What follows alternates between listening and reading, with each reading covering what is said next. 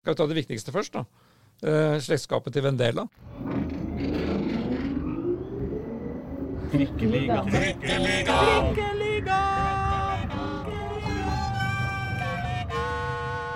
Hjertelig velkommen til eh, Trikkeligaen. Det er eh, sesong tre og blitt episode 47. Vi har med oss en gjest i dag som har vært eh, litt eh, vikarierende lærer, litt assisterende rektor, men først og fremst eh, fotballkeeper. Terje Kirsbom, hyggelig å ha deg med. Veldig hyggelig å få være med her. Tusen takk for det. Omsider vil jeg jo på mange måter si. Du er jo et veldig kjent navn i uh, Oslo-fotballen for veldig mange som følger Oslo-fotballen, vet veldig godt hvem, eh, hvem du er. Så dette tror jeg skal bli en, eh, en veldig hyggelig prat. Si hei til deg og Reidar før vi, før vi vinkler oss tilbake på vår gjest. Ja, ja, men det var hyggelig. Ja da. Har du hatt en bra uke? Ja, jeg merker at jeg har Jo, jeg har hatt deg litt som vikar, men eh, Ja. ellers, er det, ellers er det veldig fravær rundt meg nå. Men det, det går fint. Ja. Fotball får vi sett uansett. ja.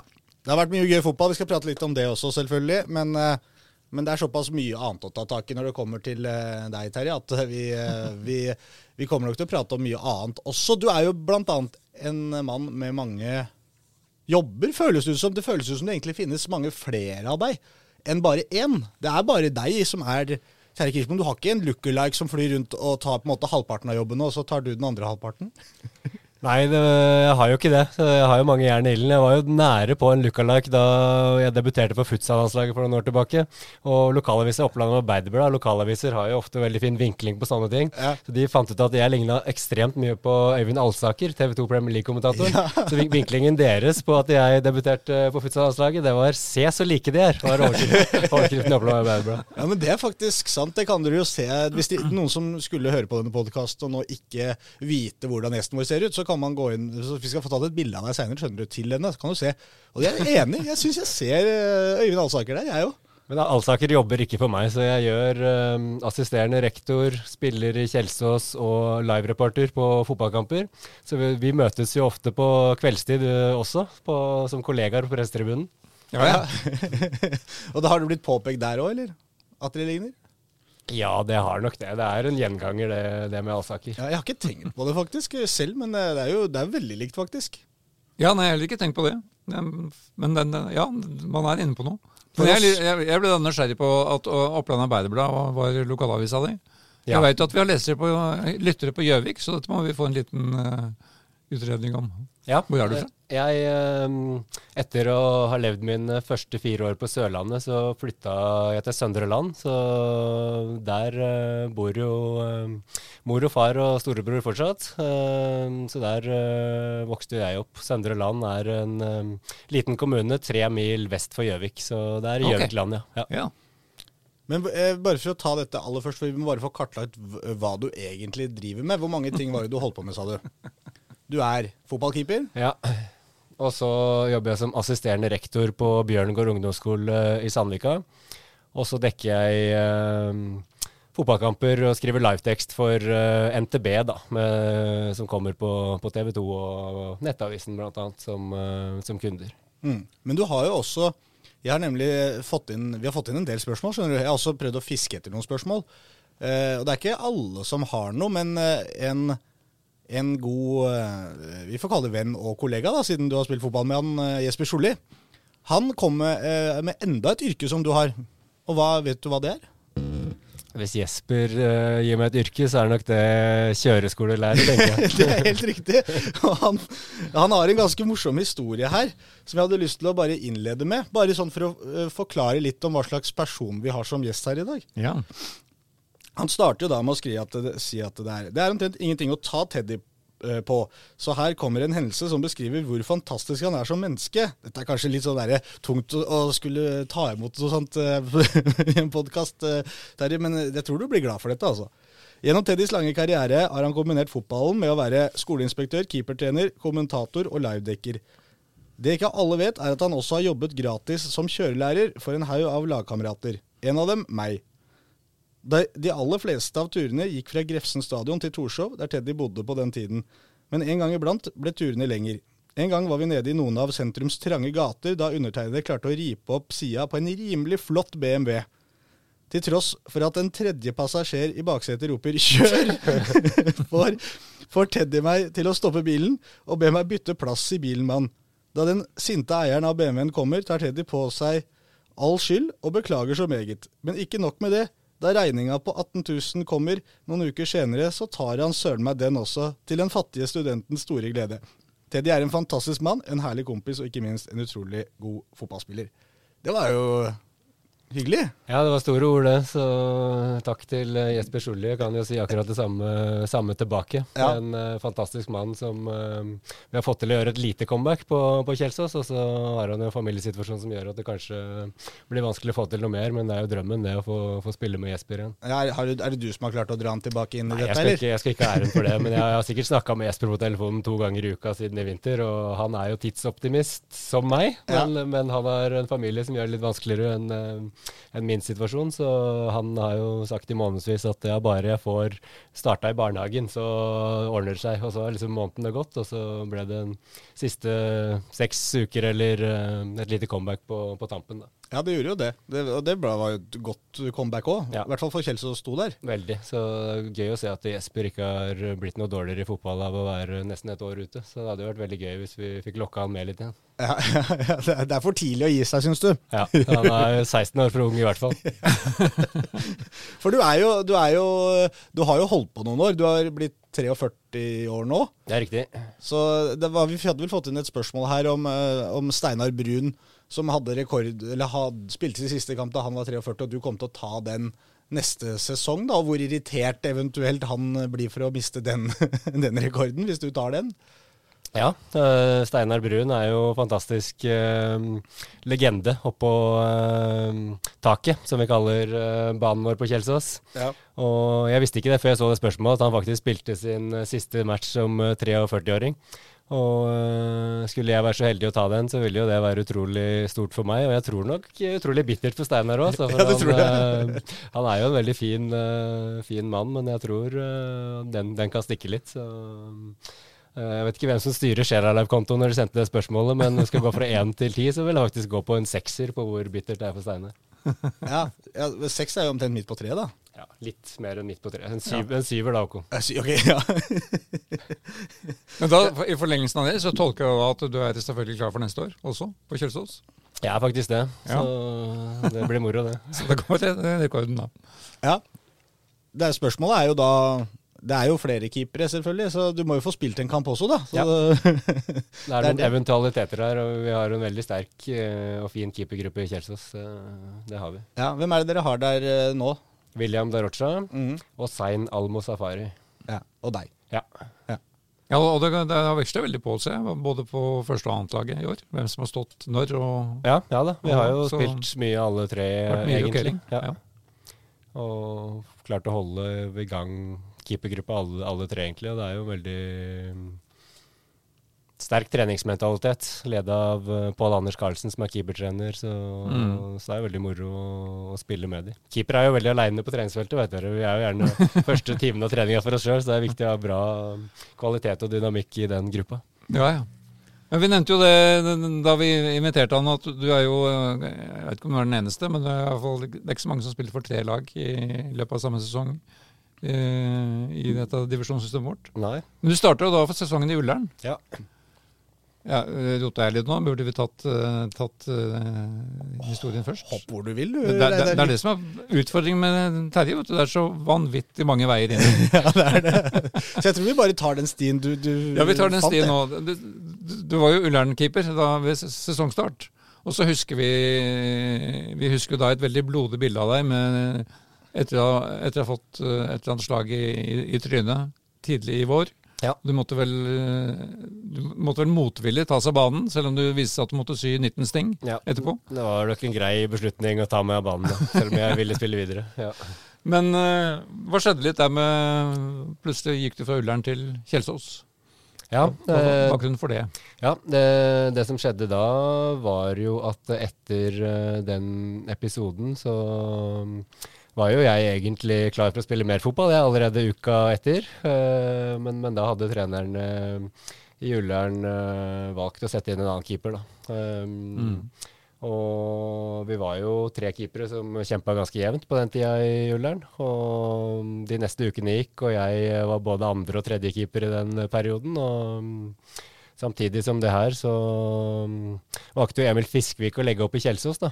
Ja. Så da ble én pluss én to, og jeg hadde også en veldig god dialog med Ullern-trener Didrik Bjella, som vi har jobba sammen noen år, vi også. Uh, som uh, sa det at hvis du vil videre, Terje, så skal ikke jeg uh, stikke noen kjepper i hjulene for deg. Så vi ble enige om å terminere, og veien tilbake til Grefsen stadion ble kort, da. Ja.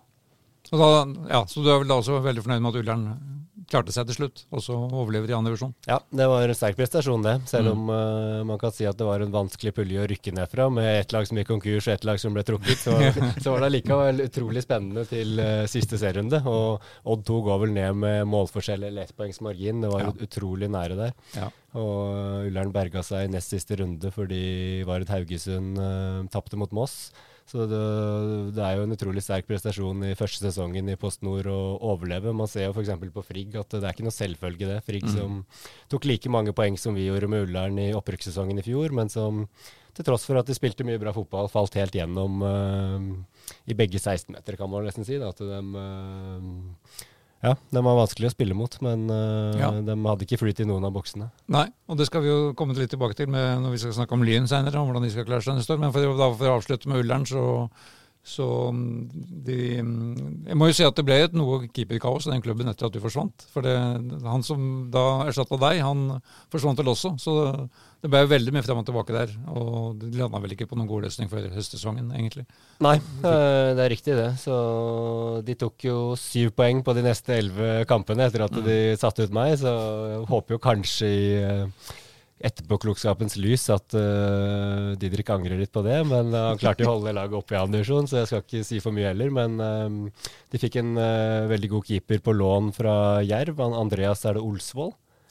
Som, yeah. uh, ja, som uh, har spilt en veldig god høstsesong for dem. Så de har vært solide bakover i siste del av sesongen. Ja.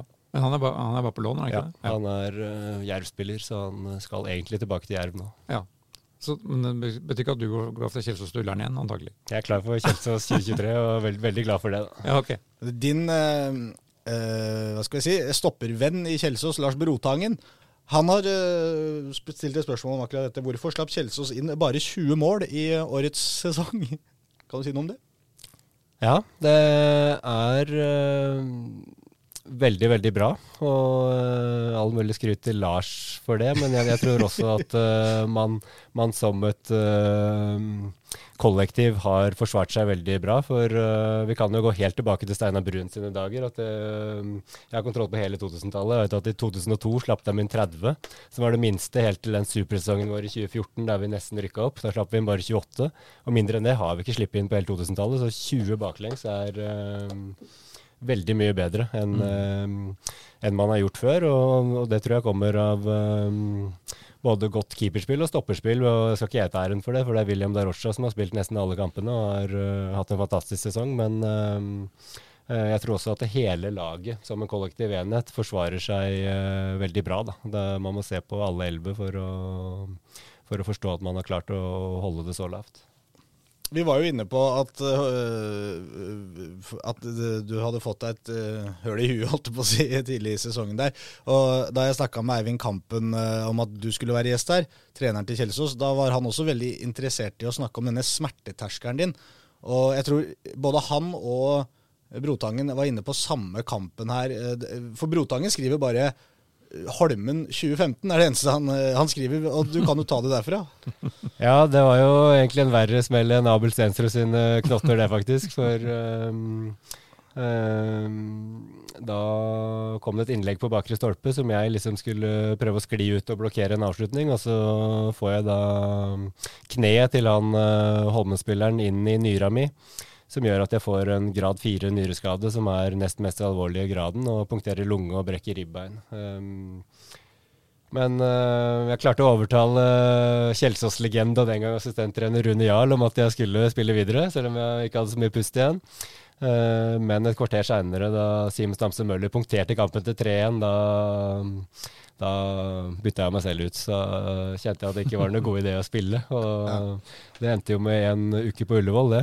Um, og da var det jo Jesper Solli og Martin Fasting da, som besøkte meg på sykehuset flere, flere, ganger der. Så tilbake til uh, hvor flott type Jesper er. Det var jo hans første sesong i Kjelsås. Men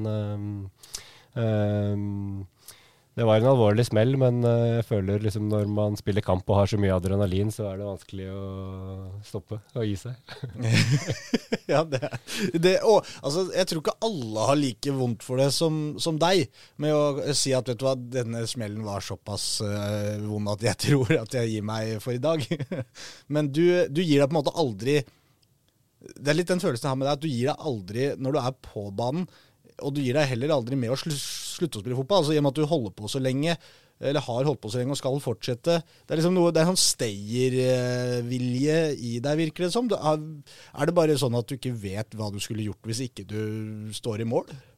Ja, jeg tror nok det. Jeg gruer meg til å legge opp, men eh, jeg har liksom ikke um, utsatt det pga. det heller. Eh, så jeg mener at grunnen til at jeg spiller, er fordi jeg syns det er gøy. Det er, det er det aller viktigste. Og så tror jeg også jeg, fordi jeg selv føler at jeg er god nok fortsatt. Hvis jeg liksom hadde falt igjennom, så hadde jo, uh, hadde jo ikke vært noe vits å spille. Så, Men tror du at du på en måte hadde fortsatt å Hvis på en måte du hadde kjent at vet du hva, nå holder jeg ikke nivået til uh, Kjelsås i andredivisjon f.eks.. Uh, og det ikke tredjedivisjon kanskje, eller altså, er det sånn at du Jeg kan stå i mål når jeg er 50 i sjettedivisjon, liksom? Det, det kan være gøy? Jeg vet ikke. Det var et vanskelig spørsmål, Håkon. Jeg uh, håper jo kanskje jeg har gitt meg da, men uh, det, spørs, det spørs, det, da. Ja. da. da. må jeg få invitere dere inn i litteraturhjørnet. Jeg, jeg, sitter her med en flunkende ny bok som, som, heter uh, 'Den ellevte mann' av tidligere landslagskeeper Håkon Oppdal. Som da har fått den tidligere keeperen Dag Solstad til å skrive forordet. Uh, da, det ble jo da 15 siders forord, selvfølgelig. og vi skal få nå de 15 sidene? Eller? da skal dere få lit, en, en, liten kortversjon, men eh, bare kort om det om, om, hvor lenge man skal holde på. Så Da skriver også Håkon Oppdal eh, sitat, man er keeper for livet. Det er ingen vei tilbake. Blir ønsket om å slippe innfridd, gir du samtidig avkall på det hele. Hele oppdraget. Du mister en del av deg selv, og med det din identitet. Og til slutt deg selv. Så å slippe for en stakket stund er ikke et et alternativ. Det eneste alternativet er å gjøre slutt på det hele, legge opp. Men det er lang tid til man kommer dit. Så der er du, skjønte jeg. Ja, det var passende, den. ja. Jeg syns det hørtes dramatisk ut med å gjøre slutt på det hele, men uh... Ja, det var nok en uh, keeperkarrieren. ja. Nei, men det, det, det, er masse krydder i denne boka her for alle som har stått eller vil stå i bål fortsatt. Absolutt. Det, det. Bare for å avslutte kort om det. Altså, før Dag Solstad sa ja til å skrive dette forordet til denne boka, så satte han en betingelse. At han måtte få originalmanuset, og så måtte han selv skrive hele manuset for hånd. Slik at han kom, kunne komme inn i sjela til hvordan Håkon Oppdal hadde tenkt da han skrev boka. Dette var et lite sidespor, men ja. ja. Men, det, men, men, som du sier, Dag Solstad, tidligere keeper, han òg. Uh, Tidligere keeper i, i eh, Store Bergan utafor uh, ja. Sandefjord. Ja. Så det er, i, det er, jo noe i, dette med at keeperne de er litt annerledes. Er, det, er sånn, det er sånn fremdeles. Vi er det. Så um, relatert til det der, da, så Håkon Oppdal var jo også med i den her vet ikke om, Det er vel ikke lov å reklamere for konkurrerende podkaster, men Å jo da! Ja. Her er rausheten meget langt framme. Det er jo på Fotballhodet, podkasten til Yao Amakwa og Henrik Herrebrøden. Ja. Der var jo Håkon Oppdal gjest. Jeg fikk jo mine to unge keeperkollegaer i Kjelsås til å høre på den, da. Det, ja. det, det syns de var ålreit, sa dem. Jeg vet ikke om de tør å si til meg hva de egentlig mener, men uh, det, er, i hvert fall en veldig sånn uh, særegen keepergreie. At uh, vi er jo eksentriske, og vi er jo annerledes. Og da får det være greit å holde på til man er godt opp i 40 år òg. Ja, ja, ja. ja, men det er en sånn følelse man har, og det, og det, er ikke bare for fotball. Det føles liksom generelt i lagidrett at keeperen er Fordi keeperen er på en måte en egen eh, liksom står jo inne i laget, men på en måte som du sier, det er en egen keepergruppe på trening. Dere blir veldig sånn med de to-tre som er i den gruppa, og dere holder på med deres, på en måte. Ja. Uh, og det er jo en spesiell type mennesker, dette har vi vel snakka om før òg, som tenker at det morsomste i verden er å ødelegge for uh, flotte mål. ikke sant? At det å, Jeg husker vi hadde hun Guro Pettersen her uh, som gjest også. Hun sa jo det at uh, jeg sa liksom, Hvis det kommer et kjempeflott angrep av motstanderen, og som ser ut til å bli runda på best mulig vis, altså en praktskåring som er på vei til å skje, er det litt sånn at spensten svikter deg lite grann, på en måte? At 'Å, nei, jeg rakk akkurat ikke bort for det. Nesten var, er så pent at det burde bli mål'. Hun var liksom Nei, nei, det er de som er aller best. og frata dem ikke sant? de vidunderlige skåringene. Så det er jo noe med den den derre følelsen av å øh, ja, Du kan jo si noe om det sjøl, kanskje. Den derre følelsen av å redde en ball. Ja, jeg er helt enig. Det er de beste redningene, det. Um, og um, når, når, man gjør en uh, god redning, sånn som i keeperøyne er gode redninger da. Det er jo mange skudd som man kanskje får uh, skryt for avisa, men som egentlig bare traff deg rett på, som egentlig ikke er mm. sånn, no, noe sånn wow. Men uh, når man liksom treffer med skyv og man gjør alt perfekt for å nå helt ut til den ballen i hjørnet, så er, så er det en mestringsfølelse som jeg mener på høyde med når en utespiller gjør en god prestasjon et skudd i mål eller en perfekt pasning, perfekt dribling. Så det er det samme for oss, oss keepere, selv om det kanskje høres litt kjedeligere ut, å treffe med det skyvet og nå, nå fram til ballen med hansken. Ja. Uh, har du på en måte en sånn altså, Du har jo redda en del baller etter hvert, da, men har du på en måte en redning som du liksom av og til når du legger hodet på puta og skal legge deg og sove, så dukker den redninga opp i den følelsen på en måte av én konkret redning? Ja, eh, jeg har jo det. Jeg har en eh, sånn uh, fin sekvens som er en trippelredning. da. Den sesongen vi hadde så flyt i 2014, som vi var, spilte borte mot Moss. Mm. Som der hvor kommer aleine med meg, og så um, redder jeg først aleinesjansen, og så returen. Og så går liksom tredjeballen ut på 16-meteren og kommer et langskudd, og så redder jeg den også. Og så skyter han kaptein Espen fra Øystra et ballen ut i innkast. da. Så ja. det er liksom Det er den i så fall, da. Jeg har tenkt på det noen ganger, også som keeper. Eh, hvis man, eh, hvis man spiller på et lag da, hvor, eh, hvor, man da får tak i ballen etter den sekvensen, så har man på en måte tenkt å eh, prøve å bevare ballen da, og så spille seg videre. Og så mister man plutselig ballen igjen, og så kommer det en scoring bare fire sekunder etterpå. Jeg, jeg føler liksom Som keeper blir man litt fornøyd når den klareringa kommer altså ut over sidelinja. For da er den sekvensen i banken, på en måte. Hvis laget fortsetter å spille og de mister ballen, og 20 sekunder etterpå så ligger ballen i mål likevel, så føles liksom den der trippelredninga litt mindre viktig. Ja ja, da er det jo helt forgjeves. Ja. jeg skriver sikkert Håkon Oppdal om alt jeg må si, men uh, det er klart det er det verste som kan skje. Det er hvis du redder et straffespark, og så skårer den på corneren etter redninga. ja. ja. Det er jo helt krise. Ja, jeg, jeg føler det, at, men bare det at ballen sparkes utover linja, og de får et kast, og så scorer de 20 sekunder etterpå da eh, det, altså, Jeg føler liksom at da har du i hvert fall Den ligger i banken, den trippelredninga der, like mye. Litt annerledes enn vi spiller på en måte fortsetter, og så blir det scoring rett etterpå. Føler jeg, da. Men, ja, jeg, jeg, tenker det fortsatt er like ille, men ja. jeg, jeg, kjenner jo sånn ekstra bitterhet hvis du kanskje kommer en alenesjanse, og så kommer du ut og gjør en kjemperedning, og så skårer de direkte på returen. Ja. Den, er, den, er, jo veldig lei. Ja, Så er, du er god, glad i en god klarering også? Ja. det, det, er vi bra på i Kjelsnes. men det virker jo som da det er riktig å skyte med det spørsmålet som kommer fra Stian Pettersen, da, som, uh, om han da var lagkandidat eller motstander med det, det husker jeg ikke. vi spilte på laget. Ditt, ditt, best, ditt beste Kjelsås-minne, helst fra 2014 spør han om. Ja, det, og det er kanskje det du nevnte? Stian og jeg spilte jo sammen i Kjelsås i 2014, og det, det, var jo vår beste sesong poengmessig. Vi tok 58 eller 59 poeng, men det var et fantastisk Follo-lag som tok 66, så vi var et stykke unna å rykke opp allikevel.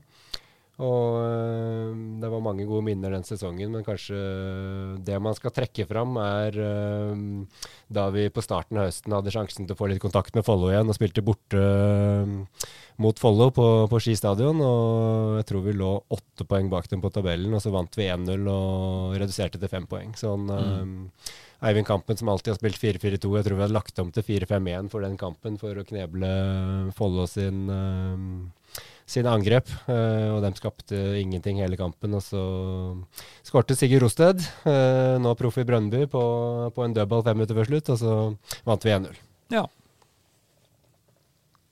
Det er litt sånn som uh, den sesongen som Nordstrand i år, da, som får, får 62 poeng. og er uheldigvis i samme pulje som Lyn. Ja. For Hadde de vært i fire av de andre avdelingene i tredje divisjon, så hadde de rykket opp. Ja. Det er klart Så- eh, imponerende sesong av Nordstrand, og veldig uheldig at eh, de er i samme avdeling som, som Lyn. ja. Men er det eh, Altså, hva skal, hva skal til for at på en måte, Kjelsås noen gang rykker opp?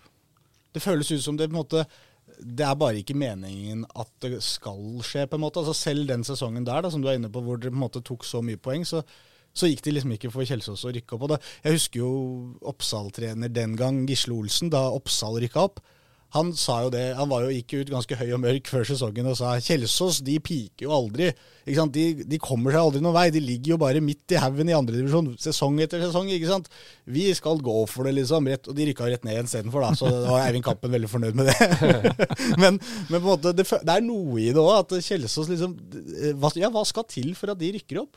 Ja, det er et godt spørsmål, for eh, det er klart at uh, andredivisjon er blitt et veldig bra nivå etter at det ble redusert i to avdelinger, og det er tett og gode lag som eh, kjemper i toppen der. Og, og i år så følte vi at vi ikke var så langt unna, men, men at uh, Ullkisa og Hødd selvfølgelig var, eh, var et hakk bedre enn oss begge to, og de, de ender jo suverent i toppen på tabellen der. Det ble lang avstand der, ja. til Det ble blir lang avstand til slutt. Eh, likevel så ser man på de kampene mot Ullki, to uavgjort mot Ullkisa, 2-1 Mossap mot Hødd, der eh, det er eh, kontroversielle straffesituasjoner i begge kamper. Og det er liksom eh, små marginer før vi på toppnivået vårt er på et nivå som er like bra som uh, Ullkisa Hødd. Og man, man så jo også det f.eks. i 2019, da, da Kjelsås var veldig nær å rykke opp. Slo bl.a. Grorud 4-0 en fire-fem runder før slutt, men så pika Grorud etter det og vant resten og rykka opp, mens, mens Kjelsås uh, tapte et par kamper og, og ble vel nummer tre uh, den, den sesongen. Ja, for det er jo utrolig stabile. da. Det er vel det, det, er vel det laget som har vært lengst sammenhengende i, Ja. i andredivisjon nå, av alle. Vært i andredivisjon siden uh, nedrykk fra førstedivisjon i 2001 eller noe sånt, tror Ja, jeg. det, ja, det er vært. noe sånt. Ja. Så har det vært et par eh, svakere sesonger i, korona i 2020 og 2021, før vi har et mye sterkere lag igjen eh, nå, nå i 2022. Da. Så, eh, og det er jo det gøye med fotballen, at det null- nullstilles alltid. Så Ja vi er ikke, dømt, vi er ikke Men- dømt til for alltid bli andredivisjon, vi, men vi har absolutt et par steg til å ta før vi er på det nivået vi så krevdes da, med, med det Hødd leverte i år. Men Det var vi inne på med Eivind Kampen før sesongen. her. Det, det, store publikum ser jo på Kjelsås som en skiklubb, uh, for de er så gode i langrenn. Mens dere Han var jo tydeligvis litt, litt irritert på det. da, for det, det, det er klart det er en svær klubb, det er mange medlemmer.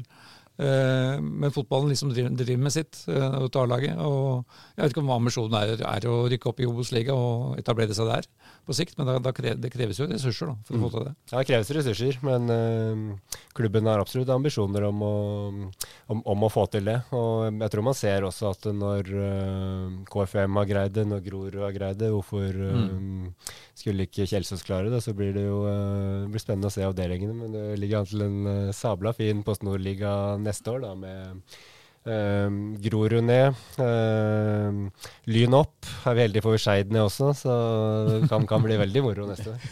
Ja, for du håper Skeid rykker ned? Ja, eh, det, det er klart at eh, å få tilbake Oslos beste derby, det hadde jo vært helt eh, magisk. Ja, for det er Oslos beste derby. Det er liksom ingen andre Siden det ble slutt på Vålerenga-Lyn, så er det ingen andre derbyer med samme historiske kontekst og hatoppgjør som eh, Kjelsås-Skeid. Nei, og det, det har jo jeg lagt merke til. Altså, Reidar, du har jo på en måte sett Skeid og Kjelsås og disse lagene i mange år, på en måte, men jeg har ikke jobba med det like lenge. Og jeg ble veldig overraska de første gangene jeg var og så Kjelsås mot Skeid. Og jeg hadde liksom hørt at det var litt sånn rivalitet, men det følte, liksom, du står på utsida, så føles det litt som at det er sånn, litt sånn vennskapelig, sikkert sånn som det pleier å være. Men det er sånn Folk er litt sånn ordentlig ikke liker hverandre, de to klubbene der, og det, det syns jeg egentlig er litt gøy. Ja, det, dette er liksom boligstrøket oppe på Kjelsås mot, uh, mot Torshov, da. Så var det han Konrad Skogen som jeg spilte med i Kjelsås i 2014, som spilte sitt første derby, og de sa etter kampen at de, de ropte 'dra deg tilbake til husene dine oppe på Kjelsås' til meg. Det var Simen Hestnes var vel også inne på det når han var her for noen uker siden, om, eh, om kampene mot Kjelsås i fjor, og Jesper Solli som eh, så, Ja, det var ek, Ja, ekte hatkamp i den forstand hat kan brukes i denne sammenheng. Ja. Men Jeg er oppvokst med, med Skeid som eliteserielag, så den gangen på 70 70-tallet og 80-tallet var det ikke tema. Eh, Kjelsås var, var noe annet, enn en liten småklubb som med sitt. Men så var det jo etter at de havna på samme nivå. som de hadde vært på i hele 2000-tallet. Men det er fascinerende hat. Og så er det dette med å kalle Skeid for en. Det, er jo, det er jo Grefsen-Kjelsås. Det er jo det som er nedslagsområdet deres. Etter at, for de basene er jo på hva skal vi si, Grefsen. I Kjelsåsveien, selvfølgelig. Det er, riktig, det er fire, fire tykkeholdeplass mellom fra Kjelsås til, til Skeid. Ja. ja. men det er det det føles ut som fra utsida, at det bare er en hekk imellom, på en måte. Ja. Mellom de to stedene. Og så likevel så er det på en måte Og det er jo ofte da du får den der, den litt oppheta kampen også. Men jeg, jeg syns det er gøy at jeg på en måte Som du sier, selv om Skeid var såpass mye bedre, da, at når de da havna på samme nivå, at det fortsatt lå latent der. da. Mm. Det der, Den misnøyen med naboen på en måte i så stor grad. og det, det, liker jeg godt, at man har klart å bevare det. Ja, jeg tror den øh, historiske tradisjonen som du snakker om, Reidar, med at Skeid er øh, en storklubb i norsk fotball, og, og så har man nyere historie der øh, plutselig Skeid var en tur ned en tredjedivisjon på starten av 2010-tallet, og vi, mm. Vi, gikk vel en åtte-ni kamper uten at de klarte å slå oss, og så er jo det snudd helt igjen nå. Da. Nå, er det, nå er det helt omvendt, men rivaliseringen uh, lever. Ja, det er bra. Men da, når vi først er inne på seg, da, skal vi kanskje ta, ta dem. da, når, altså Sannsynligheten for at de rykker ned. For de, da, de står jo da foran to kvalikkamper mot uh, enten hva blir det, Arendal eller Ullkisa. Ja. Så ja, hvordan, hvordan, vurderer du dem? De slo jo Kongsvinger nå 4-0 sist. Uh, igjen, uh, igjen en merkelig fotballkamp fra, fra Skeids side, i positiv forstand. Men de har jo et de, de, er gode på sitt beste. Ja, jeg tror Skeid uh, går inn i den kvaliken som klarer favoritter og har gode muligheter til å, til å holde seg i uh, Obos. Og uh, fordi de har hatt en så god høstsesong som de har hatt. Da. De, mm. Hva hadde de? Seks poeng etter 13 kamper eller noe sånt. Så hvis man ser på poengsnitt på høstsesongen, så, så, er de nok i hvert fall midt på treet i Obos-ligaen. Og så, så, sånn sett så blir det noe helt annet enn uh, om uh, f.eks. Bryne skulle kollapsa og Ullkisa skulle møtt Bryne i kvalik istedenfor. Ja, nettopp. Så må vi nevne Simen Kvia Egeskogs to skåringer da, i, i, den kampen mot Kongsvinger. De to siste på, på, slutten her, som var fantastiske begge to. Var det han som hadde den eh, chipen? Chipen, da, I, i tverrliggeren. Var det. var så surt at den ikke gikk inn. Han sa jo det sjøl, han syntes det var surt at den ikke gikk inn. Da, selv om ja. han klarte da sjøl å sette inn returen. Ja da, det, det, var, det, det, er litt sånn motsatt av det du snakka om, på en måte. da. At du kommer ut, gjør en redning, og så slipper du inn returen. Eh, så er det sånn ah, ikke noe igjen for det, på en måte. Eh, så her tror jeg det er motsatt. At det er sånn jævlig surt. At, da blir du først sur fordi ikke den fine chipen går inn. Men så, er, ja, så satt jeg returen sjøl, så var det greit likevel, på en måte. men den var, så, den var så utrolig følsom, syns ja, jeg. Det var imponerende. Ja. Så det var kjedelig at ikke den gikk inn. Men, eh, men han fikk en fin uh, scoring likevel, da. Ja, du, du, Så du har trua på at Skeid uh, kan klare dette her? Ja, jeg mener de går inn den uh, kvaliken som klare favoritter. Mm. Jo, vi har fått inn en del spørsmål om, i og med at du er mye ute og ser mye fotball, bortsett fra å bare stå og se Kjelsås eh, bak der også, så, så, er det mange som har lurt på, bl.a. Erling Rostvåg lurte på liksom, om du kunne si noe om forskjellen på, på, på andre- og tredjedivisjon. Da begynner vi vel kanskje å bevege oss litt inn i, i Lyn etter hvert her også, deres eh, framtid nå. Da. Du var inne på at Frigg kom jo opp etter en kanonsesong forrige sesong i tredjedivisjon, og så rett eh, ned igjen. Hvor, hvor, stor er nivåforskjellen? Ja, og, og, så er det også eksempler på det motsatte. At uh, både Treff fra Molde og Gjauklien har klart seg veldig godt i, i vår avdeling. Um, og Ullern også, som uh, overlevde i, i andredivisjon. Men jeg vil jo si at det er en ganske stor forskjell på tredjedivisjon og andredivisjon etter um, at uh, andredivisjon bare har to avdelinger, så um, får man ikke de uh, enkle kampene i andredivisjon. Alle 26 kamper er utgangspunktet ganske jevne og, og, lever til siste slutt. Og det gjelder liksom å krige til seg tre poeng i de kampene du er litt bedre enn motstanderen, og kanskje klare ett i de kampene som du er litt dårligere enn motstanderen. Og hvis, hvis man kommer inn i en flyt der man uh, taper jevne kamper, så um, bærer det fort rett ned igjen fra, fra andredivisjon. Mm. Nå dekker jo ikke NTB Drikkeligaen da, og Lyn Live. Dessverre. Men, men, du har vel sett, sett dem lite grann. Men ja. Eh, du har jo ikke minst spilt mot dem. Det var jo Kjelsås 2, en av de kampene jeg husker best i år. Kjelsås 2 mot Lyn på Grefsen stadion i et fantastisk regnvær. Eh, som endte ja, Lyn, nei, Dere leda vel 2-0 ved pause. Ja. Og det endte med 2-2 med utligning seks minutter før slutt. Stemmer det. Da fikk du et inntrykk av hvordan dette laget ser ut, men de, de må vel antagelig forsterke seg for etter opprykket. Skal de klare seg?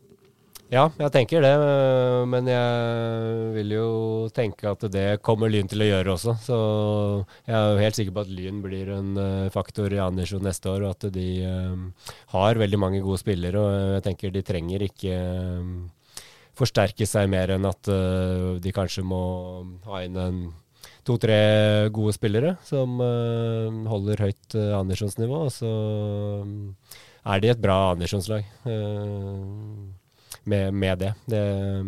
det. nivået de har vært på i år, det er helt sikkert bra nok til å holde seg i andredivisjon, tenker jeg. Men jeg tenker ikke at de nødvendigvis er noe topplag i andredivisjon med det de har prestert i år. Um, det er, det spenningsmoment der med David Tavakoli, som endte på 27 skåringer. Og ble ja. toppskårer i avdelingen. og ja, øh, kjenner jo han litt øh, med sine helseplager. og Han er jo ikke sikker på om han, han, fortsetter. Så det er klart mye står og faller på det. og, og da, da, da, må de ha en, ny, en, en, en, spiss inn, i hvert fall. Ja, øh, David det blir spennende å se om han fortsetter. Hadde jo en fantastisk sesong i år og er jo en utrolig god målskårer. Og så henta de jo en til fantastisk målskårer, Ibba Lajab, som uh, jeg har spilt mye futsal med, så jeg kjenner han, han godt også, men uh, ja, Han er jo bare barna, han er vel bare tre-fire år yngre enn deg, er ikke det? Ibba er mye yngre enn meg. Ibba tror jeg er 85-modell. Uh, ja. Men da fyller du likevel, har jo likevel fylt 37, da, så ja. spørs, spørs Jeg tror uten å være slem mot verken David eller Ibba, så, så, tror jeg ikke de to på banen og høyt press i andredivisjon er løsningen for Lyn. Så det er klart at, uh, klart at dersom de uh, to gir seg, så er de avhengig av å få inn en god, uh, god angriper. Ja. Det var, ja, det var David som skåra det målet som irriterte deg en del, tror jeg. Ja, langt innkast. langt det, innkast ja. Lyn, Lyn, var veldig gode på, på dødballer og et, et, solid lag. Uh, I klassisk Jan Halvor Halvorsen-stil, så det er jo utrolig imponerende å rykke opp med 22-4-0, tror jeg det ble til slutt. At de ikke tapte en eneste kamp. Ja. Men utrolig irriterende at vi var seks minutter unna da, og ta fra dem den. Jeg syns det var imponerende. da, altså Nesten 1700 tilskuere på Bislett i siste kampen, som da isolert sett ikke betydde noe som helst. Ja, de, Utrolig fortjent for Lyn som klubb at de får det opprykket. Det var jo, Jeg vet ikke hvor mange det var, ja, men eh, det var jo unntatt Skeid i cupen, så var det antagelig den kampen med best stemning på tribunen på Jeften stadion i år. Og det var altså 300-400 fra Bastionen som har tatt turen i uh, lyn og regn. Uh, så passa det bra. ja, det men, men, å ha en sånn fans uh, for en klubb som ikke har vært i de to øverste divisjoner siden konkursen i 2010, skal vi tolv år tilbake, mm. er jo helt unikt i norsk fotball. Ja. ja, det er det faktisk. Og Morsomt å få dem opp igjen. Helt enig i det. For det, det er noe med det der trøkket rundt Lyn som er litt, uh, litt, deilig. At de uh, i hvert fall ikke surrer i tredjedivisjon, er, uh, er fint for, for alle som er glad i Oslo-fotballen, egentlig. Og fint for oss også, som skal dekke det. Og for, for Lyn og den, For den interessen rundt Lyn vil jo bare ekspandere etter hvert som de, hvis de klarer å klatre videre nå også, og klarer å etablere seg i andredivisjon høyt der, og kanskje etter hvert også da førstedivisjon. Så det, de er på en god sti nå, Lyn. Mm, absolutt.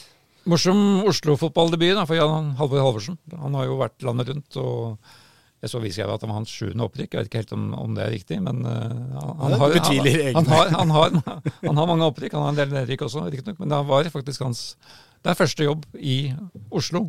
Ja. Og også første jobb på, på fjerde nivå.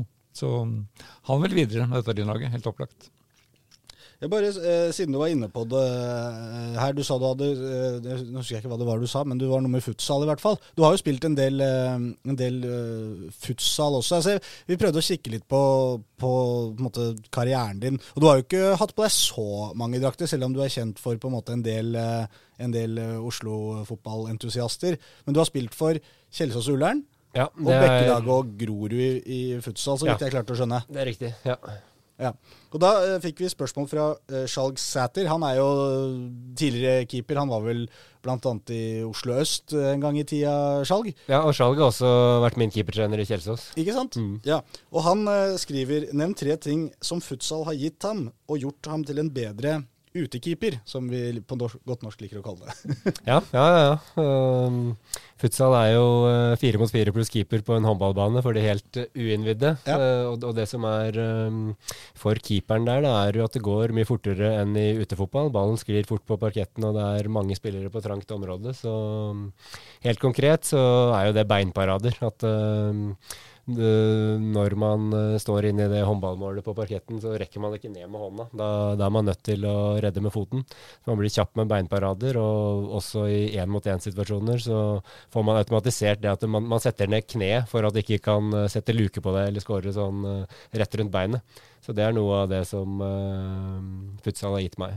Ja, Så det er, det er, ikke bare kos og gøy på en måte å spille futsal. Går, du får faktisk utbytte av det. Ja, jeg tror man må skille mellom sånn uh, kameratløkkecuper der man møter opp i hallen for å drible og slåss litt og sånn, og så er det den seriøse varianten av det, som, som er blitt en ganske spennende idrett i Norge. Uh, der man har en eliteserie i futsal der etter hvert begynner å bli spesialisert, og spillere som satser mer på futsal enn på, enn på utefotball. Da. Uh, og det norske landslaget har begynt å spille på et OK internasjonalt nivå. da, At uh, man kanskje er uh, rundt uh, eh, 15-20 i Europa, men det, ser man til Spania og Italia, så er jo dette her, idrett på høyt, høyt nivå. Så, det er fascinerende å se på. Mm. Det går så fort. og Det, det er sikkert et av læringspunktene her, at man, man, man venner seg til et høyt tempo ja. og, og ting som skjer.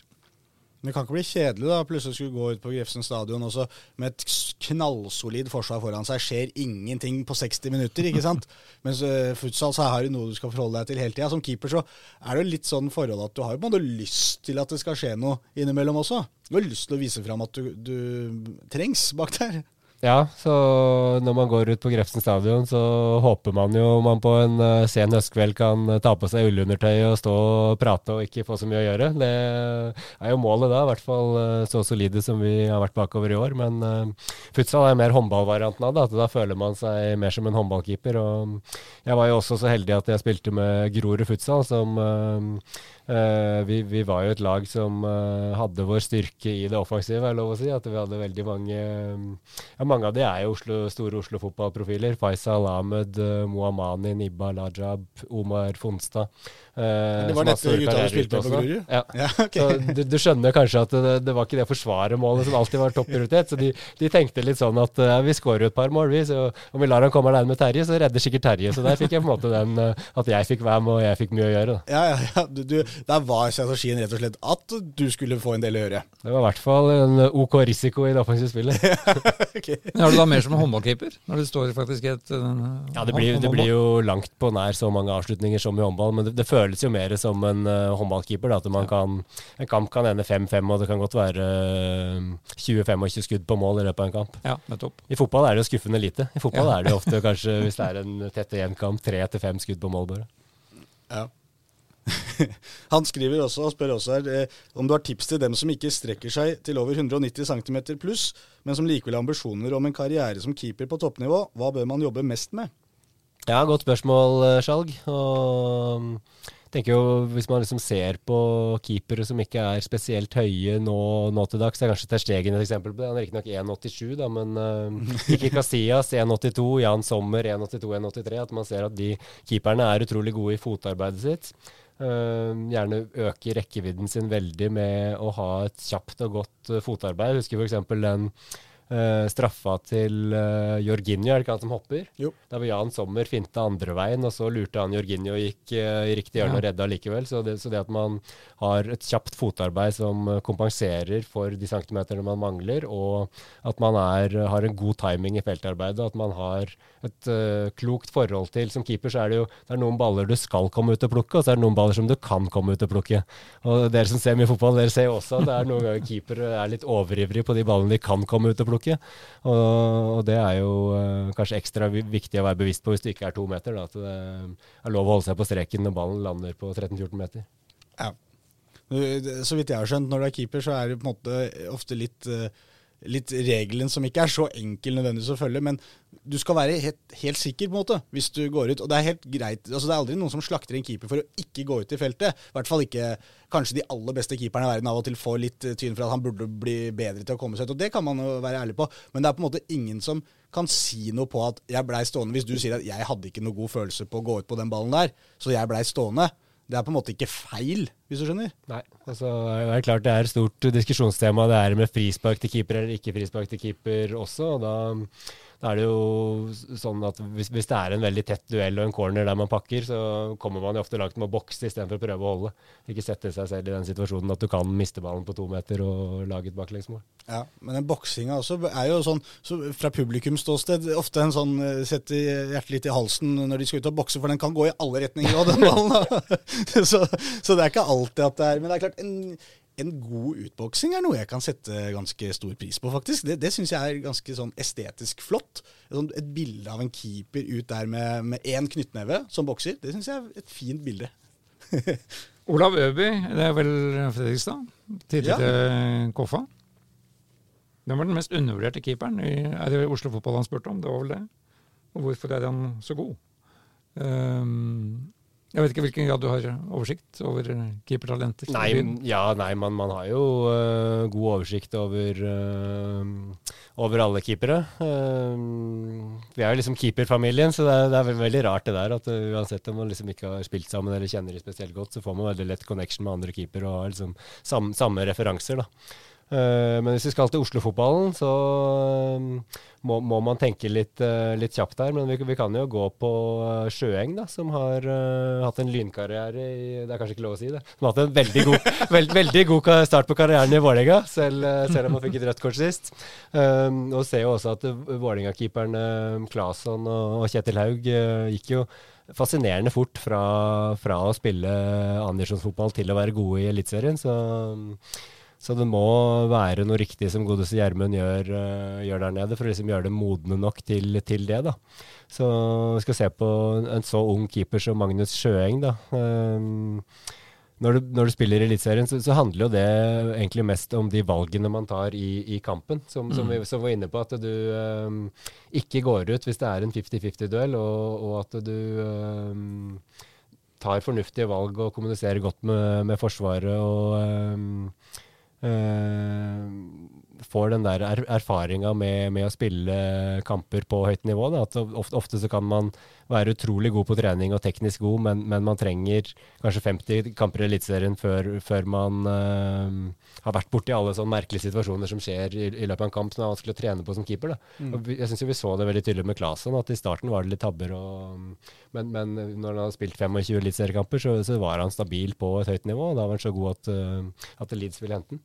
Og Sjøeng viser fantastisk ro i, i feltet ja, der. Altså, den, den, måten han opptrer ja. på. Nettopp den roen tror jeg er utrolig viktig for, eh, for en ung keeper. Altså. Og, um, også sånn, ikke, bare i feltet, men også sånn f.eks. Hvis, hvis det kommer en spiss uh, gjennom fra dårlig vinkel, da, mm. så, så, ser det liksom ikke ut som min feil hvis jeg kommer ut og så chipper han over meg. Men hvis du liksom hadde tatt den situasjonen og så hadde stått inne uh, i god posisjon på streken istedenfor. Og, og kanskje Lars Brotangen da hadde skåret av lengste hjørne og jeg bare hadde hatt førstehjørnet, så hadde det vært en enkel redning.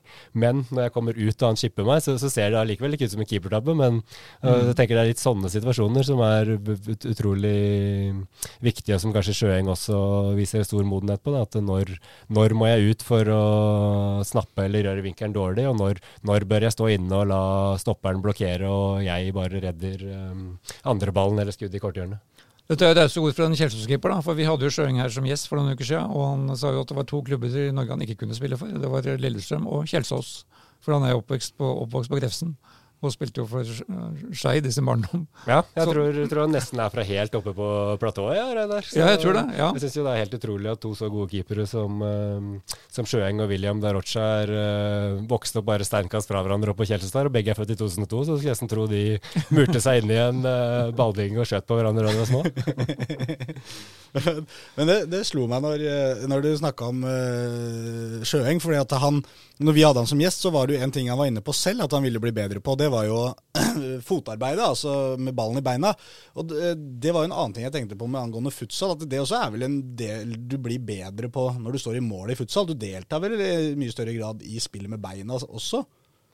Eh, ja og nei. Det, I futsal er det sånn at uh, vi må skille mellom den der kameratfutsalen og, futsal Ja. som idrett igjen. Da. Men, men eh, i futsal som idrett så, så er det kun lov å bruke keeperen én gang i hvert angrep. Ja, okay. Så det betyr at du kan bli bra med beina, men bare én gang i hvert angrep. Ja. Så det er ikke sånn at man kan spille hjem til keeper og ha med keeper som en ekstra spiller. Nei, så Men- du blir bedre med beina, eh, som du sier, eh, når det andre laget har ballen. Som beinparader og de tinga der, som du sier. Ja. Ja, og så kan man selvfølgelig, eh, sånn som uh, futsallandslaget spiller med Kenneth Rakvåg, keeperen, også gammel Eh, fantastisk god futsalkeeper, som, som en eh, spilloppbygger som har veldig gode langpasninger og som, eh, som slår pasninger. Så eh, det er absolutt et godt poeng. Og i tillegg utkast er veldig viktig i futsal. Ja, ok. ja.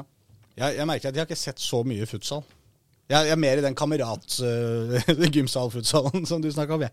Det er du god. Men vi må vende tilbake til, til disse Oslo-lagene våre. eh, Fordi um, vi nevnte så vidt Olav Øby, som tidligere spilte Koffa. og må, Vi må jo da nevne Nå har vi snakka om Lyn og, og Kjelsås og Skeid, men Koffa er jo i ferd med å bli Er jo nest best i byen.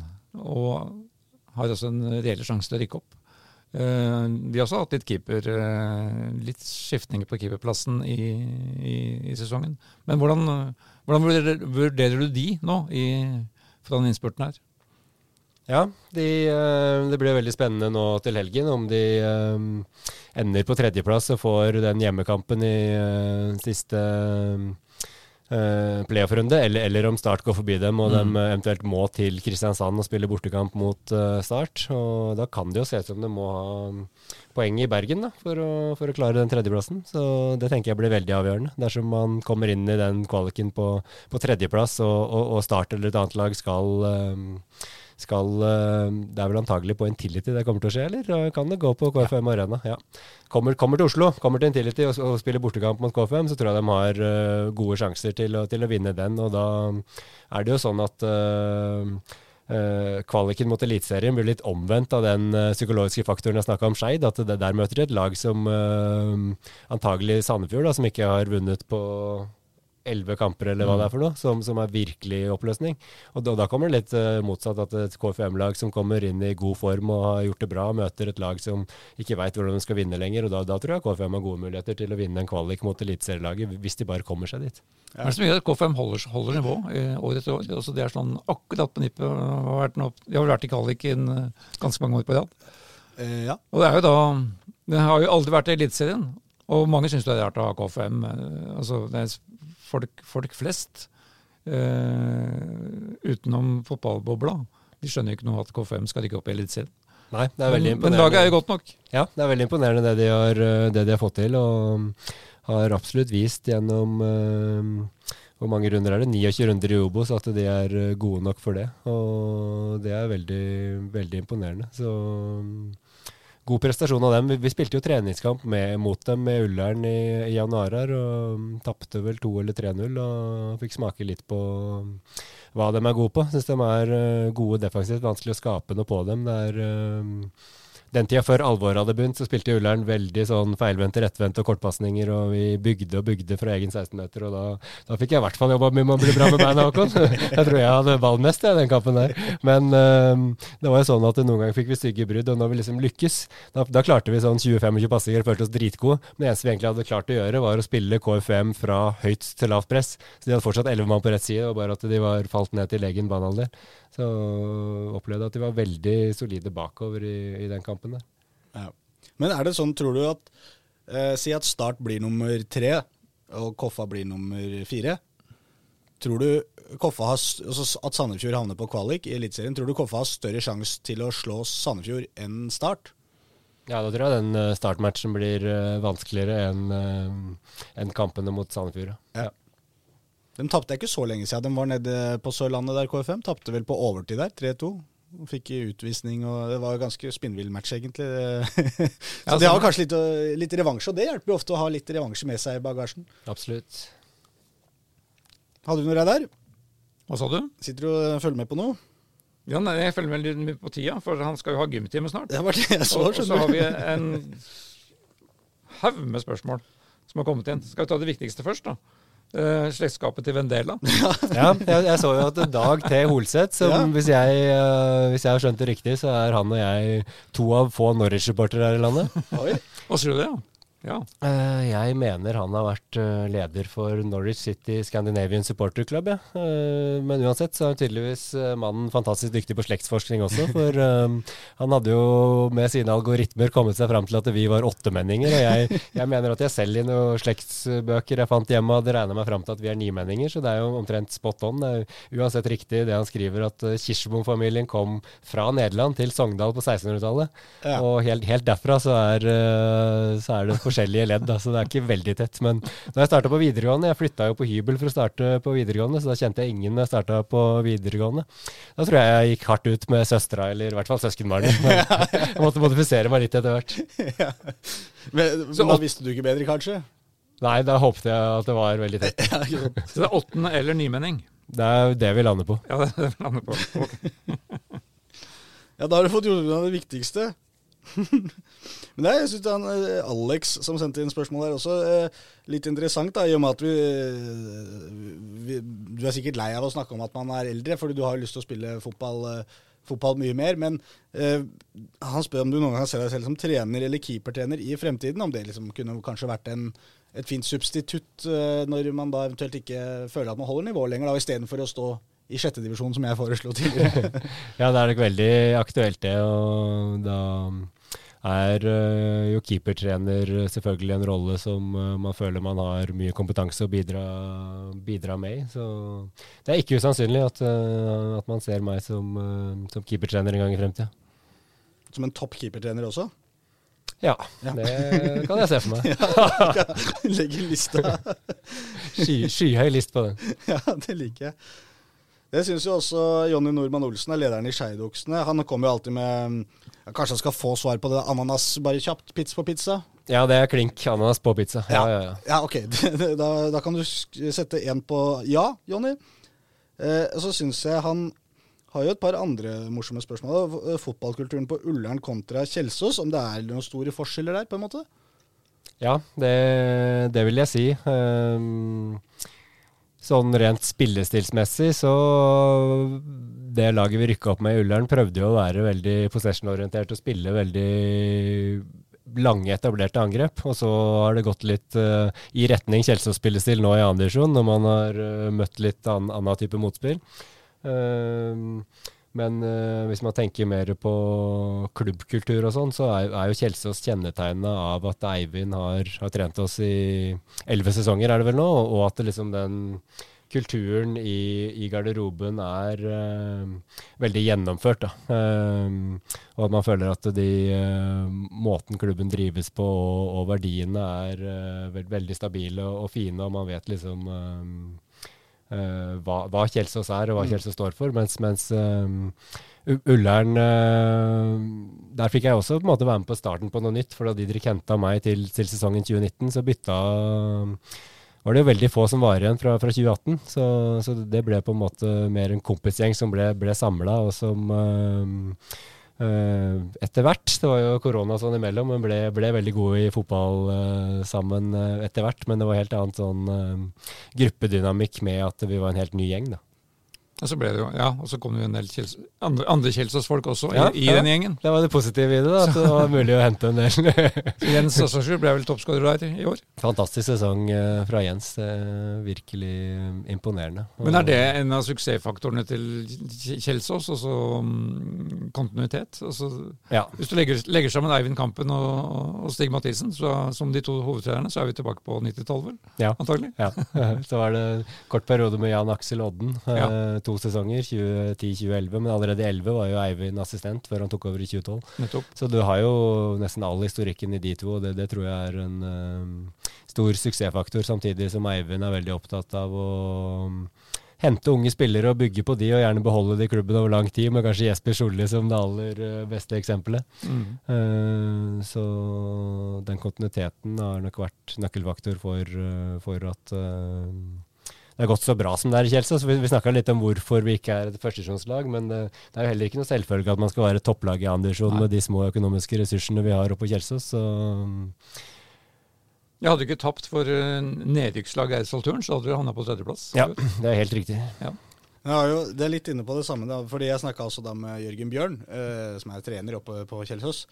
Eh, og han spør eh, hvor viktig har, er kontinuiteten Kjelsås hatt gjennom Stig Mathisen og nå Eivind Kampen? Det har du nå svart litt på. Eh, så spør han så hva skjer med Kjelsås når kampen gir seg? Ja, det er et godt Ja, Men han gir seg jo ikke. Nei, nei, nei. Men en hypotese der, da. Eivind Kampen gir seg. Hva skjer? Ja. Uh, nei, nei, da er det jo uh, to mulige veier. da, Enten at, uh, at man klarer å få inn en uh, trener som bygger litt videre på de verdiene og det spillesystemet som, uh, som, som, som, Eivind har står for. eller at det blir en brytning, at det kommer en helt ny stil og filosofi inn. Og så er det veldig avhengig av spillergruppa og hva man beholder av assistenttrener, keepertrener, folk rundt laget òg, for det er jo det sitter jo mye kultur i, i, i veggene på, på, Kjelsås, men det er jo til slutt folka som, uh, som, skaper klubben. Så hvis man mister kontinuiteten, så blir jo, blir jo Kjelsås noe helt nytt. For uh, det er den kontinuiteten som, uh, som er det beste med, med Kjelsås. så jeg håper jo man klarer å på en viss måte ha en overlap i det. For det, man, man, har jo bytta ut spillerstallen flere ganger i løpet av de. Husk på at nå er det jo 12 år, 13 år siden jeg starta i Kjelsås, så jeg har vært med på en lang, lang reise her. Eh, men, men, Eivind har klart å beholde verdien i veggene, selv om eh, spillerne har blitt bytta ut sakte, men sikkert. Ja. Jeg bare tenkte på, Vi snakka jo om i og med at tida løper litt fra oss, jeg tror ikke vi rekker alle spørsmåla her, faktisk. men uh, Det er egentlig flere ting vi har vært gøy å komme inn på. Men i og med at du har hatt en lang karriere, så syns jeg altså Jørgen Bjørns spørsmål om du kan plukke ut de elleve du har spilt med, altså de elleve beste du har spilt med i karrieren, eller om det blir, eller eventuelt plukke ut noen da, av enten beste eller kanskje morsomste som du har spilt med. Ja, bra. Vi tar den kjapt, da. Ja. Um, Lars Brotangen, Sigurd Rosted. Uh, stopperne er keeperens beste venn, så det er veldig lett å plukke ut de to, to beste. Men ja. uh, Sigurd Rosted, uh, som ble proff i Gent og Brøndby etter Kjelsås, og runda på en måte Andersson i 2014 da jeg spilte med han, var fantastisk god da. Lars Brotangen, som nå spiller sin beste fotball i en alder av 30. Og øh, håper ja, med dette Lars kan overtale deg til å ta, ta, et år til. For jeg synes du skal legge opp nå når du er på ditt aller beste nivå. Helt rå i år. Um, Høyrebekk må selvfølgelig gå for Endre Olav Osnes. Uh, kommentatorkollega av deg, Håkon. Og um, uh, Kjelsås-legende. Over 200 A-kamper for Kjelsås. Og var en veldig god fotballspiller, men uh, enda bedre som, uh, som type og, og menneske. Og, Kanskje aller best som Kanskje aller best som prest, for alt vi vet. Ja, ja, ja. ja. Prest og fotballkommentator. og um, Fantastisk mann. Og Venstrebekk Ola Bjørnland spiller jo med meg i Kjelsås fortsatt, og har egentlig vært med på nesten hele tida jeg har uh, vært der. Snart ti år i Kjelsås. Så går vi øh, Hva kan vi ha mer da? Vi må vel ha Simen Stamsø Møller på topp, da. Uh, når vi er inne på Kjelsås-metaforen. Uh, så prøve å spe på med noen. Jesper Solli skal selvfølgelig ha en plass på det laget. kanskje vi skal ta med Ibba da, uh, på en uh, høyrekant der. Skjærer ja. inn og skårer litt for Linni Andersen. og så har vi Omar Fonstad El Gauti, som nå bøtter inn mål for Hønefoss i tredjedivisjon. Som jeg, en av mine beste venner, og som jeg um, spilte med i um, Spilte med i uh, Grorud futsal i mange år. Um, og så tar vi sistemann. Da ble det bare timannslag, men da er det Olav Øby som fortjener et, eh, en plass på det laget. da. Som, um, vi satser på han kommer tilbake til Koffa og starter å bøtte inn frispark for Koffa i Eliteserien til neste år istedenfor. ja, istedenfor å skåre mot Oslo-lagene, ja. ja. vi, vi, må jo, Du jobber jo for NTB med mye livedekning. Aslak har jo også sendt et spørsmål, ser jeg. Ja, Aslak og 148 andre. Ja, ok. Det er det han heter, eh, vet du. Nettopp. Dette er jo et annet fag, da. Fagspørsmål. Eh, beste tips for live-dekning? ja, vi må jo ta det. og det, ja. Kanskje skal slå to fluer i en smekk og ta Per Asbjørn Solberg sitt spørsmål også, om hva som er den beste live-kommentaren jeg har. Uh, Riktig. Ja. For I, i live-dekking så er det jo også Endre Ola Osnes som er mitt, mitt store forbilde. Han, han starta jo NTB noen år før meg, så um, har henta mye inspirasjon fra han. Og det aller mest uh, legendariske referatet til Endre Olav, det er noe som vi bare kaller for uh, grillreferatet. Fra en kamp mellom uh, Arsenal og Manchester United, tror jeg, i 2013. Med Andrea Mariner som, som dommer. Um, vi har jo litt dårlig tid, men jeg må nesten bare ta et par Jeg har forberedt meg på et par kjappe sitater. Ja, ja, ja, Det-. Dette er ikke vanlig å, å lese i livedekning. eh, Så Jeg skjønner jo på en måte allerede her hvor Mariner og Duano Grill du skjønner hvor det er på vei, ja. Ja, jeg, jeg skjønner noe i starten, eller noe av dette, ja. Arsenal-Westham var det, beklager. Så en kjedelig førsteomgang, men i det 47. minutt skårer Giroud 2-1. Der tar det fyr på Emirates. Walcott slår ballen lavt mot første med masse barbecue-dressing på. Der kommer sultne Giroud møtende og flikker ballen i mål. Og så går vi til 52. minutt, roa seg litt igjen. Akkurat nå virker Arsenal mette og fordøyer det hele med litt frisbee-kasting seg imellom. Blir nok flere serveringer i dag, men akkurat nå er det et hvileskjær i kampen hvor det sosiale aspektet er i fokus. Så Så det er på en det måte en grillfest, på en måte. grillfest, Ja, ja. ja, Så tar det helt av. Arsenal skårer 3-1, 4-1, 5-1, men det, det hopper vi over. For da, i det 61. minutt, skriver Endre Olav Når grillen først er varm, da blir all grillmat vellykket. Det er vanlig å gå i fella og legge på maten for tidlig. Det har imidlertid ikke Arsenal gjort i dag. Nå venter marshmallows, jordbær og is den resterende halvtimen. og så til slutt er vi på 90 pluss 11. Jeg liker at du har dette liggende, liksom, bare flekker den opp på telefonen så kjapt. Gode, gode forberedelser. Elleve minutter er det lagt til nå, og um, kampen fortsetter. Endre Olav vil sikkert legge seg. Det er nok en sein kveldskamp i Premier League der. Mariner har tenkt til å la denne kampen marinere ytterligere. Kan ikke se poenget i det at aktørene har spist seg mette og ser fram til å takke for kaffen. Har du, har du tatt med deg dette her eh, inn selv? Har du prøvd å gjennomføre noen kamper med livedekning i den samme stilen? At du finner et tema og holder den ut? Absolutt. Så jeg har jo latt meg inspirere veldig mye av, eh, av EO og hans, eh, hans stil. Og det er en veldig morsom historie med, med Endre Olav Osnes, som nå kommenterer Premier League. For all, allerede da Ja. Jeg var på treningsleir sammen med Endre Olav i Ullern i 2004. Vi har spilt sammen i Ullern, og vi går riktig langt okay. tilbake. Ja. Og da er vel Endre Olav bare 20 år, og da, da sitter vi og spiller PlayStation på hotellet på treningsleir, og Endre Olav kommenterer. Han har lyst til å bli kommentator. Det er veldig gøy at 20 år seinere så er faktisk den drømmen blitt, uh, blitt virkelighet. da. Ja. Men, uh, men ja, jeg har jo tatt med meg det. Og husker vi hadde en uh, romjulsdekning der hvor uh, satt sammen noen kompiser og dekka. og de, de som var med rundt bordet, fikk lov å komme med ett ord hver som jeg måtte legge inn i livedekninga. Ja, vi, hvordan gikk det? Ja, nå er vi oppe på Jørgen Grydland sitt spørsmål, bare så, bare, bare så du er klar ja, over det. har full kontroll om denne fotballpratgruppa. Fotballpratgruppa, jeg, jeg tror dette henger sammen, men Jørgen får arrestere meg hvis det ikke gjør det. Men uh, når vi sitter der, da, antagelig på Boxing Day, og så mm, er det mm, sånne ting som er greie å lure inn, da, men så er det en av gutta som sier du må skrive 'inshallah', Terje. Ja. tenker jeg, ja, Kan jeg gjøre det? Ja? Blir jeg, hvordan blir jeg oppfatta da? Og så, så klarte jeg å sy inn uh, 'inshallah' på en eller annen måte i livedekninga. Jeg var liksom, regna regna med at Terje Alstad, sjefen min, skulle ringe meg direkte og kjefte meg huden full, men, men så ble jeg der hylla istedenfor. Så fikk jeg masse skryt, og jeg tror også det var da jeg ble innmeldt i den fotballpratgruppa. da. Ja. uh, som er en del av, som er Jørgen og en, og en del av Grorud futsal-kompisene mine som er i den, i den gruppa. da. ja. Jeg skjønner. Jeg følger, jeg, jeg følger jo med stor interesse mye av det du skriver. For jeg, vi følger jo eh, NTB Live på, i og det dekker alt fra Premier League og, og til og med ja, Obos-liga. Og jeg liker jo det krydderet du legger inn. da. Du legger inn krydder og, og liksom lukt og smak når du er til stede. Eh, Det syns jeg er kjempeviktig for, en, enhver sånn eh, dek dekning på den måten der. Så all honnør herfra ja, også. Tusen takk, Reide. For det er en konkurrent. Ja, ja, ja, absolutt. Og det, som er så gøy med, med Terje, er at uh, han møter vi jo på en måte Vi er jo den ene dagen. På lørdagen så kan vi være og referere fra kampen han står i mål, og på søndagen så, så møter vi ham på pressetribunen. Og det, det setter jeg veldig pris på. Jeg ser at klokka løper ifra oss, men jeg bare lurte på kjapt, for det, det, Ullern Fotball har jo sendt inn spørsmål, de også. Om, Ja. Spør han om semifinalen i St. Johnstons Paint Trophy, to second leg, Luton mot Brighton.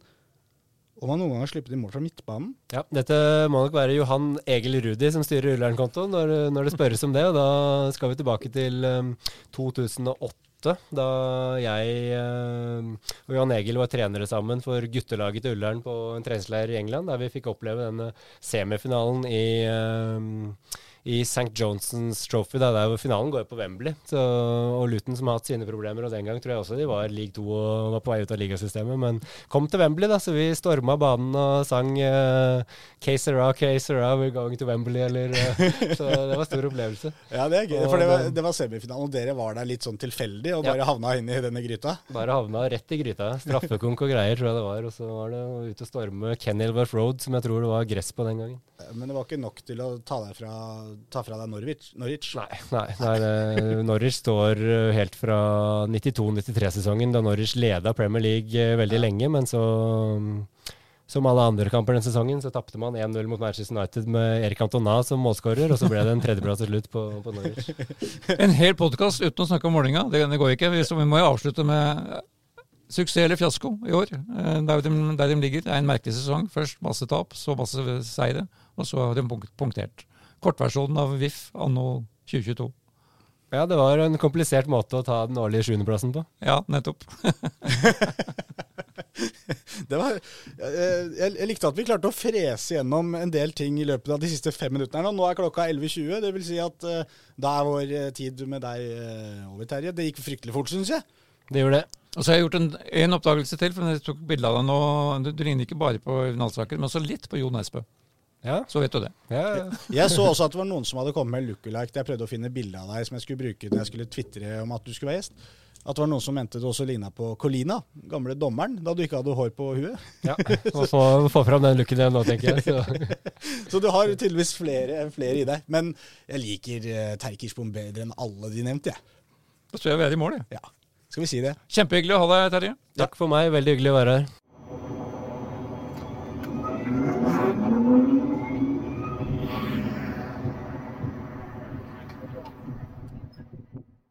Du har hørt en podkast fra Dagsavisen. Ansvarlig redaktør heter Andreas Heen Haaland Karlsen.